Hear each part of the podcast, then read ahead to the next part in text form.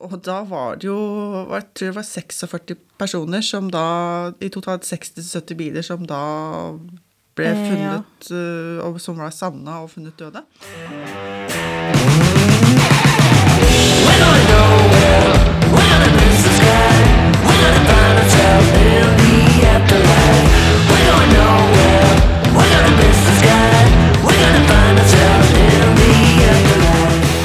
Det er en ny uke og tid for en ny episode av Paranormalt, podden hvor vi samtaler og reflekterer rundt tema fra den paranormale verden. Mitt navn er Jeanette, og som alltid har jeg med meg Jane? I dagens episode beveger vi oss til en småby i USA, nærmere bestemt Point Pleasant i West Virginia. Her hevdes det at det har skjedd en del uforklarlige hendelser fra sånn ca. 60-åra og fram til 2020. Blant annet er det observert en flyvende skikkelse med røde øyne er, øh, og lange vinger. Eh, og denne, er, denne skikkelsen er ofte blitt kalt en varsler, eh, fordi at han varsler om tragedier og død. I dag så skal vi til kryptozoologiens verden og historien om The Mothman. Det skal vi. Og dette er jo igjen et tema vi har snakka om at vi skal snakke om en stund. Eh, vi snakka jo så vidt om uh, Matman, eller Møllemann, som jeg liker å si. Ja, Møllemann. Møllemann. Snakka om det i forbindelse med denne TV-serien vi, vi snakka eller YouTube-serien vi snakka om, Helger. Ja. Uh, og nå er vi da tilbake på sånn derre wheel of uh, et eller annet, eh, hvor vi kommer da tilbake til helger, vi også. Der kan du se. ja. Uh, veldig interessant fenomen. Eh, som eh, Altså, det har jo vært mest sentralt, selvfølgelig, der det oppsto, da i West Virginia. Men det har jo også vært observasjoner i resten av verden, faktisk. ja. Hvor er den i resten av verden? Du vet hva, du nevnte jo dette her med at det har vært en varsler, og det begynte jo sånn også. Mm. Eh, blant annet i 2009, i forkant av eh, den meksikanske svineinfluensaen, så ble faktisk The Matman obs observert. Eh, når eh, du hadde den kjernekraftverkulykken i, i Fukushima, er det ikke det heter? Fukushima, ja. ja. I 2011 så ble det noen obs- observasjoner, visstnok. Eh, og man mener jo til og med at eh, denne Tsjernobyl-ulykken i 1986 At man også hadde observasjoner, faktisk, eh, av The Mothman i forkant av denne ja ulykken her. spesielt. Ja. Mm. Veldig spesielt, og i dag så skal vi snakke litt om, som alltid, våre meninger rundt temaet. Og her har jeg noen En del forskjellige teorier som vi skal diskutere i dag, Jeanette. ja. Men vi kan jo begynne med å snakke om hvor dette her på en måte ble mest kjent. Eh, For i Point Pleasant og i West Virginia så har dette her vært snakka om en stund. Eh, Og det blei faktisk først nevnt i 1914, dette Ja. her med at det var en stor fugl da med menneskehode eh, og store vinger og lysende røde øyne. ja han ble jo da kalt Birdman. Yes. Ja. Eh, og man har jo forsøkt å bytte navn på dette fenomenet noen ganger. man har jo da endt opp da med The Mothman da, som, Ja. um, som en catchy greie på det.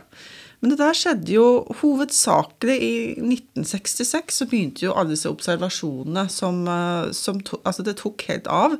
Man hadde over 100 observasjoner eh, og vitnesbyrd da fra 1966, altså mellom september 1966 til desember 1967. Ja. Det interessante her, i forhold til at uh, Jeanette begynner å si at dette her kan bli betegnet som en varsler, er jo det at også i Point Pleasant så var det jo en type katastrofe som da skjedde i um, desember i 1967. Det var vel 15. desember. Eh, da Ja. hadde du kollapsen av Silver Bridge. Um, og da var det jo jeg tror det var 46 personer som da I totalt 60-70 biler som da ble funnet ja. uh, og Som var savna og funnet døde. Uh, og i forkant da av dette her så hadde du da disse Mothman-fenomenene, hvor man hadde da over 100 observasjoner. Ja.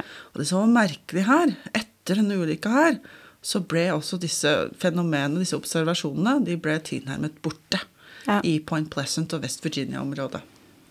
Ja, det, det er jo på en måte kanskje ikke så rart. Eh, på grunn av at folk fikk andre ting å, å tenke på. Ja, og det der, Jeanette, Ja. sier du en veldig interessant greie.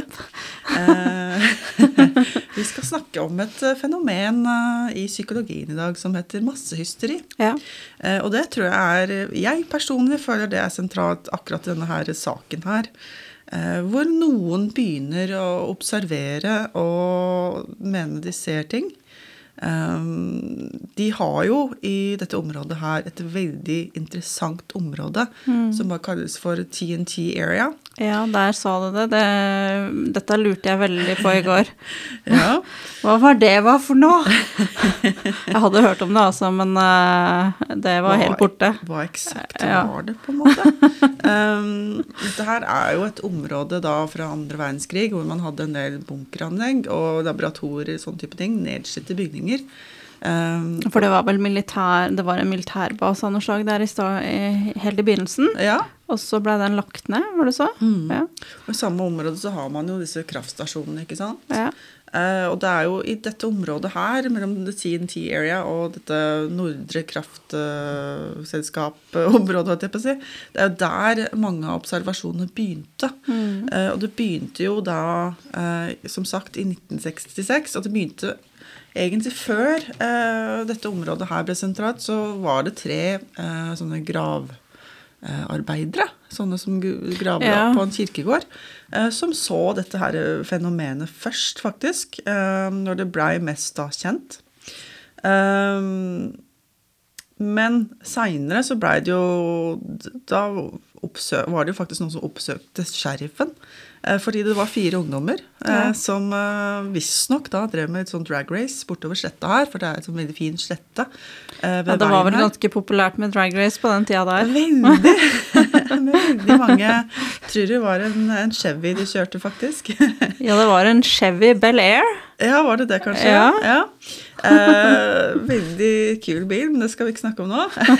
Dette her var da Steve og Mary Mallet og Roger, Roger og Linda Scarberry som da kjørte da dette strekket her, når de da ble bevisst at en sånn eh, mørk, svær eh, fuglelignende, menneskelignende skikkelse med store, kjempestort ving, vingespenn, Ja.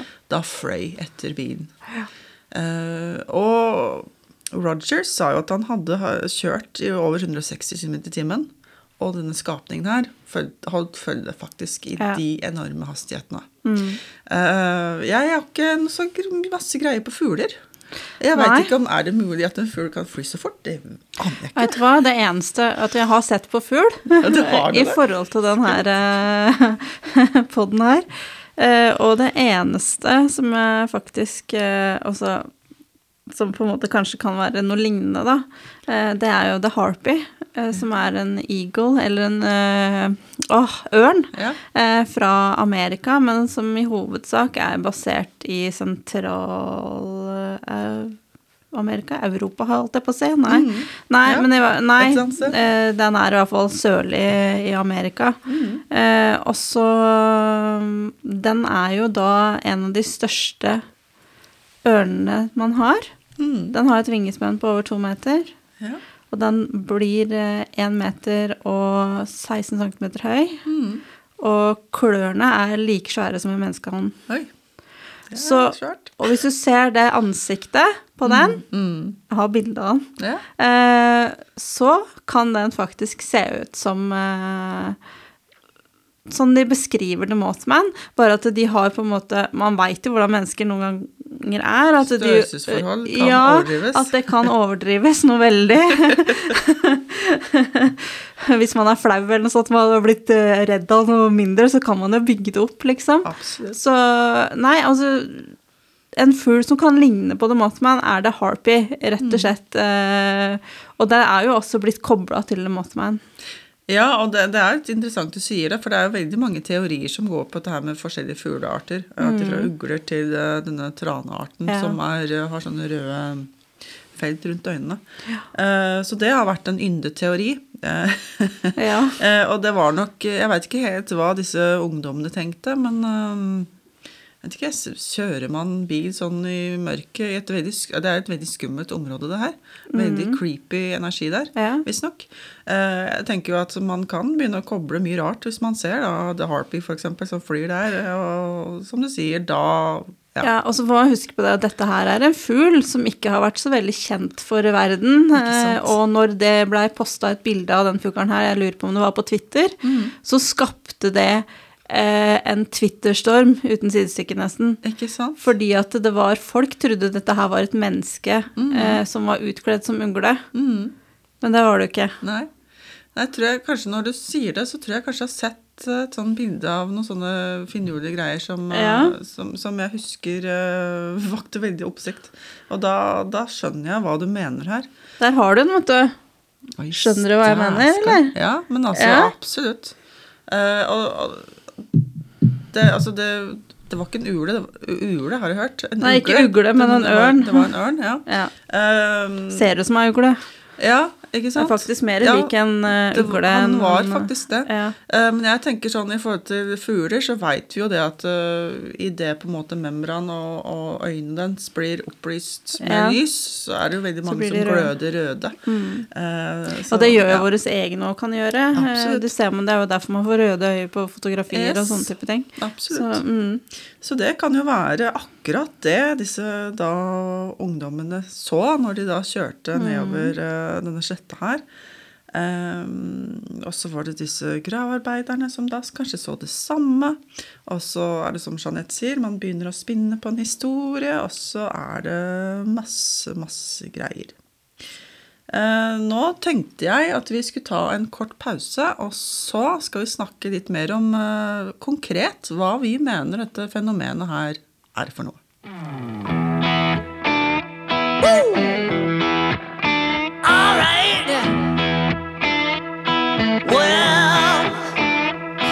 Been down so long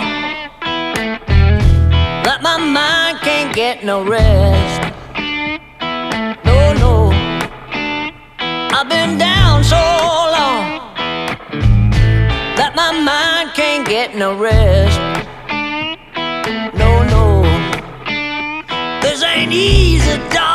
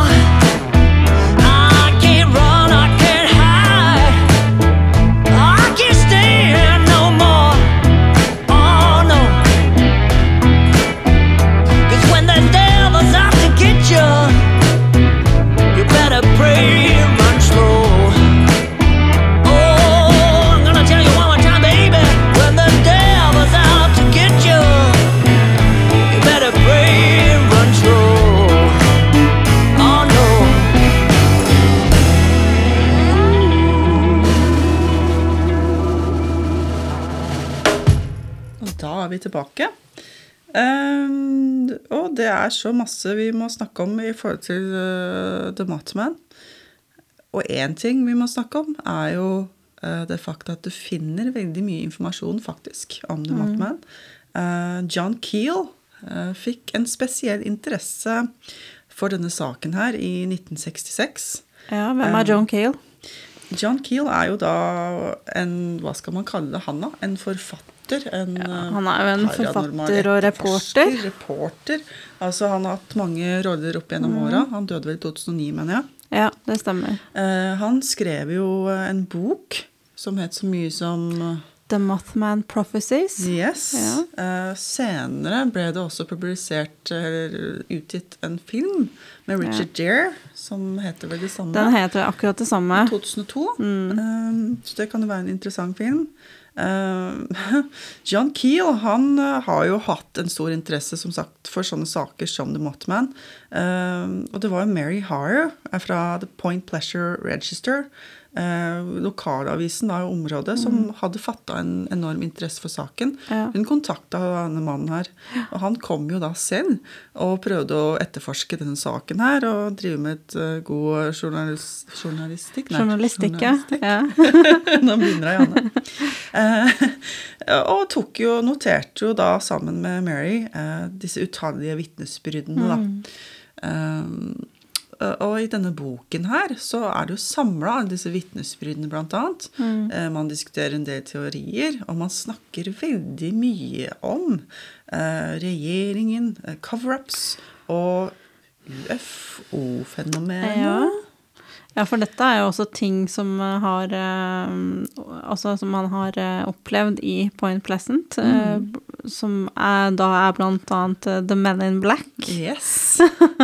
Og Indrid Cole. Og Indrid Cole, ja. Det, dette her er jo også Indrid Cole var jo veldig sentral i eh, Den hellige serien òg. Yes.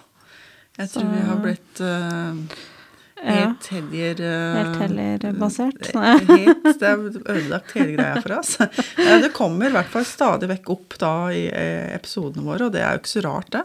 For vi snakker jo veldig mye om dette her med mm, ufo, eh, romvesener eh, og kryptider og sånne type ting, og da kom jo dette her stadig vekk opp. Men det er jo sånn i det paranormale feltet òg, at det er jo så mange altså, paralleller her at uh, det vil jo krysse etter hvert. Det er helt klart. Ja. Og det var jo, som jeg og Jeanette har snakka om litt i pausen, var merkelig eh, hvordan da disse mm, Men in Black kom da med Fedora-hatter, mørke Ja. dresser og mørke sedaner, og begynte da å eh, ta kontakt med lokalbefolkningen eh, for å spørre de ut om dette fenomenet her, eh, Ja. blant annet. Det er litt sånn mistenkelig. Ja. Også noe som opphørte etter da The Silver Bridge-kollapsen. Ja. Eh, og jeg var sånn der, skikkelig på konspirasjonsteoretikertur her i stad, og jeg tenkte sånn Ok, vi vet at i the TNT area, dette området som det har vært veldig mange observasjoner av fenomenet, eh, der veit vi at det har vært eh, mest sannsynligvis eh, kjemikalier som har blitt lekka der. Man har dumpa kjemikalier. ja. Kan det være et cover-up fra regjeringen? At man prøver å, å få et fokus bort fra det som virkelig er et problem her? Kan også denne kollapsen av denne brua faktisk være noe man har gjort, som er menneskesabotert? Kan det være regjeringen som har gjort det, for å få vekk endelig fokus på et eller annet som de lokale ikke skulle få med seg? Ja. Da begynner jeg litt sånn. Ja. Nei, men det er jo ikke godt å si. Også, altså, man kan jo dra det dit òg. Hvis, man, eh, hvis man går inn i det, og liksom at det er det kjemiske avfallet som på en måte kanskje har, har produsert at folk Eller produsert, faktisk. Jeg skjønner hva du Ja. mener. Eh, fått folk til å se eh, denne her eh, skikkelsen, da. Eh, det kan jo kanskje være mulig, i og med at alle har den samme type reaksjon, ser de samme tinga. Eh, ja. Nei, det, det er ikke godt å si. Nei, for vi, det vi ser veldig ofte med Men in Black da, og regjeringen hvordan de driver, da er det jo ofte Da, tar jeg, da drar jeg fram Area 51 som et eksempel. Eh, jeg har jo en følelse av at de driver med noe helt annet enn det de hevder de driver med. Eh, og at de da bruker da disse paranormale fenom- fenomenene igjen da som en sånn cover-up for noe annet. Jeg er sånn derre Å, jeg kjenner at det er et eller annet som jeg bare irriterer meg. at, ikke, at man ikke finner svarene. Ja, Tenker du da at det, er, eh, at det ikke er paranormale fenomener der i det hele tatt? Nei, ja, eller? ja, eh, ja, for det, alt det vi vet, så kan det være at de driver med kjernevåpen. Et eller annet øh, kjernevåpen, ja, du skjønner hva jeg mener. Uh, ja, det, Et eller annet annet enn det de faktisk driver med. Hvem vet? Nå, Ja. skal ikke jeg, nå skal ikke jeg ta Nei, helt nei. av. nei, nei. Men liksom, ja. Men jeg bare lurte liksom på om det da var utafor den paranormale verden, liksom? Eller hva Ja, det var. Ja. Det kan jo være at det er naturlige forklaringer Ja. på det, faktisk. ja.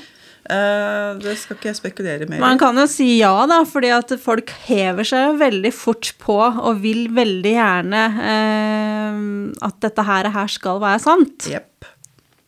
Det er akkurat det. Ja. Så hvem vet? Det kan faktisk være en forklaring her. Mm. Um, jeg har tenkt litt over hvem jeg heller mest mot, uh, som jeg tenker er mest sannsynlig. Men jeg er veldig da fascinert um, av dette som Jeanette drar opp, med denne fuglen, altså. Mm. Um, men så er jo sånn Det er jo så mye rart, da. Og det, det, jeg bare lyst til å nevne en kjapp ting som er sånn åh, Selvfølgelig så må det jo være sånn her også. Eh, ja. eh, Native Americans, de, altså indianerne i USA, de får stadig vekk eh, skylda for alt mulig. Uh, og jeg har lyst til å dra opp uh, noe som da har blitt brukt som en sånn mulig teori her. Det er jo da en sånn agenda legende eh, om da Chief Cornstalk fra Shawnee-indianerne, som da visstnok eh, under et sånt slag, da idet han var i ferd med å ta sitt siste åndebrett Drett? Åndebrett? Nå greier jeg ikke å snakke igjen.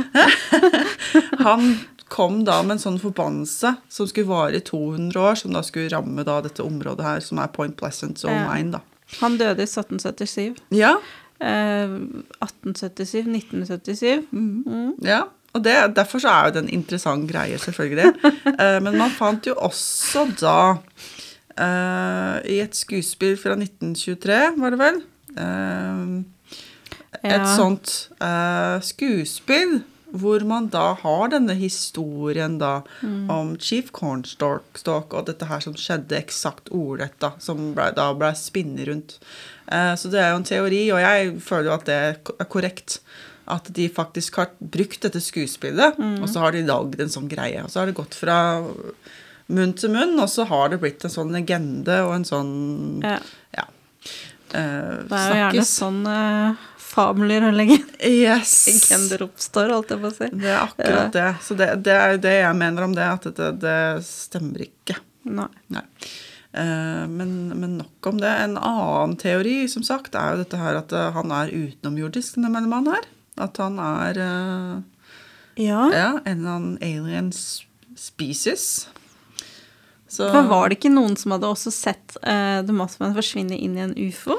Jo, det har, har det vært observasjoner av. Man Ja. har jo også sett så mye sånne lysfenomener Ja. uh, rundt Point Pleasant i samme tidsperiode, ikke sant? Og det har jo vært et interessant område med, med sånne ufo-sightings på Ja. hele 60-70-tallet, egentlig. ja.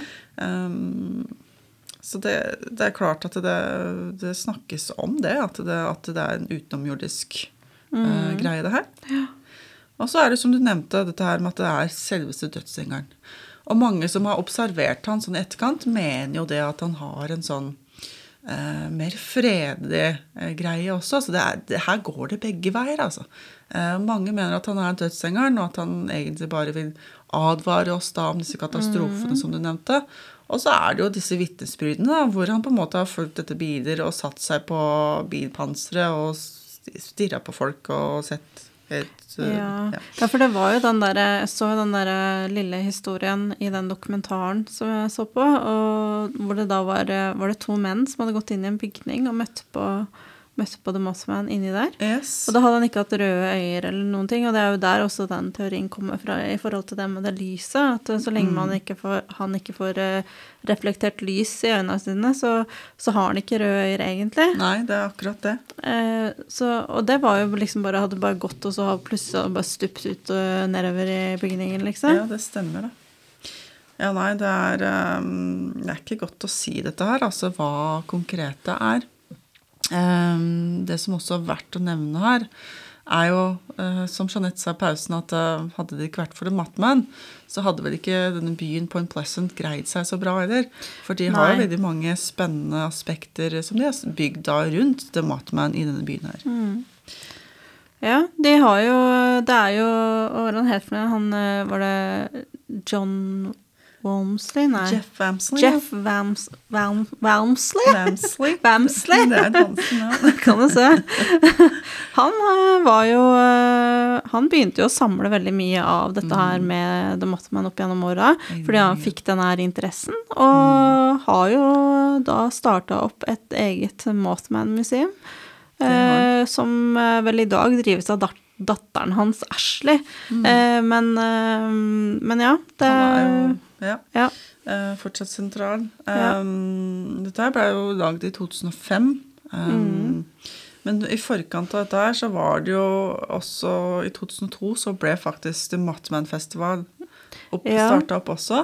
Uh, og da er det jo denne figuren her, Jeff Wamsley, og så er det Melinda Scarberry. Mm. Den ene uh, av disse da ungdommene i Ja. 1966 som opplevde The Martman. Hun fikk en sånn Hun ble rett og slett helt hekta på det. ja. Eh, og fortsatte jo da i alle år å fokusere på denne saken her og, denne observasjonen hun da hadde vært en del av. Ja. Grunnen til at de starta denne festivalen, var jo for, fordi at det var samme året som eh, The Mothman Prophecies-filmen mm. blei sluppet i Hollywood. Yes. Og de håpa å på en måte tjene penger til byen sin eh, eh, ut fra det, da. Og, det lyktes de med, vil Ja. jeg si. Absolutt. Ja, for altså, hver september så har de jo The Mothman Festival. Og det er jo faktisk så mye som fra 10 til 15 000 mennesker som er og besøker. Det er ganske bra. I en Altså. ganske liten by da, som er under 5000 innbyggere. Tenk på det. Jo det, er ja. det er Det er jo å triple sitt eget folketall. Ja, det er ganske sykt. Ja. Det er det, altså. Uh, ja, nei, det, det er en veldig spennende sak, men altså, som sagt, jeg eh, har mine teorier. Vi, vi kan jo dra litt eh, innom Indrid Cole, da. Ja. vi, og Hellier, og så kan vi snakke om disse hersens tallene som, eh, som blir veldig sentrale overalt. Uh, fun facts uh, fra denne første observasjonen i 1966 til The Silver Bridge Collapse i uh, 15. desember 1967, så var det eksakt på dagen 13 måneder fra første observasjonen til The Silver Bridge kollapsa. 13 måneder. 13 måneder. 13 ulykkestall for mange, men også et veldig sentralt tall i serien heller. Men i, ja. Men i numerologi så er det, ikke, er det vel ikke et ulykkestall. Nei. absolutt ikke. Men Så, eh, vet nei, det, eh, det, er, det er så mange forskjellige perspektiv på alt. Det er i hvert fall helt sikkert. Ja, alt drar seg innom Ja. det samme og krysser eh, veier, altså. Noen ganger så tenker jeg litt at det er noe med hva, man, hva slags innstilling man har sjøl, og hva man velger å tro sjøl. Om man velger å tro at fordi at det er ukjent, så er det farlig. Eller om man liksom er nysgjerrig og vil vite mer. Mm. Det er akkurat det. Ja. Nei, det er interessant, altså. Det, jeg tenker Og så er det jo, og da tenker jeg også nå, eh, for nå fikk jeg en idé, som vanlig, eh, at eh, man sier jo det at eh, om eh, at eh, slike vesener da eh, mest sannsynligvis eh, kommuniserer telepatisk. Ja. Så hvis man da kommer inn fryktbasert, ja. så kanskje man får en annen opplevelse ja av det enn uh, Fordi at den person... Altså, eller dette her um, humanoiden, eller hva du skal kalle det, uh, vil jo på en måte kunne uh, lese hvor du er hen i ditt sinn. Mm. Mens en annen som kanskje bare er nysgjerrig og rolig og liksom bare utforskende, ikke vil få den samme reaksjonen. Mm. Det er akkurat det. Hvis det skulle være tilfelle at den her eksisterer, da. Hvis Ja, det er hvis. tilfellet. Ja. Og der håper jo vi at du der ute kan reflektere litt selv eh, over hva vi har snakka om nå. Hva tror du det er? Vi tar gjerne imot noen forslag på Instagram eller Facebook eller TikTok. Fordi dette her er jo et fenomen som blir snakka veldig mye om. ja. Som vi begynte med innledningsvis. Personlig, hvis jeg skal si noe om hva jeg mener det er, så jeg mener det er masse hysteri. ja. Jeg kan si meg enig. Ja, og jeg tror, jeg tror det kanskje ble starta av noe konkret, sånn som Jeanette sier med denne fuglen. ikke sant? Jeg tror det kan ha starta med noe så enkelt. Det kan Mm. være noe, ellers kan det være at de bare trodde de så noe også. For det er ja. sånn mange myter og legender faktisk oppstår. At man tror man ser noe, men så gir man egentlig ikke det. Ja, nei. Så, Ja, nei, men altså, det er jo gjerne sånn. Altså, hvis det er noen som på en måte altså, lager en historie da, som, som igjen da spiller på folks frykt, Yes. så vil det på en måte kanskje folk gå ut i verden og på en måte kjenne på det, og at de er redd for å treffe på noe. Så hvis det da skjer en liten ting da som, eh, som kanskje kan minne dem om Å, nei, nå, nå ser jeg The Mothman, liksom. Ja.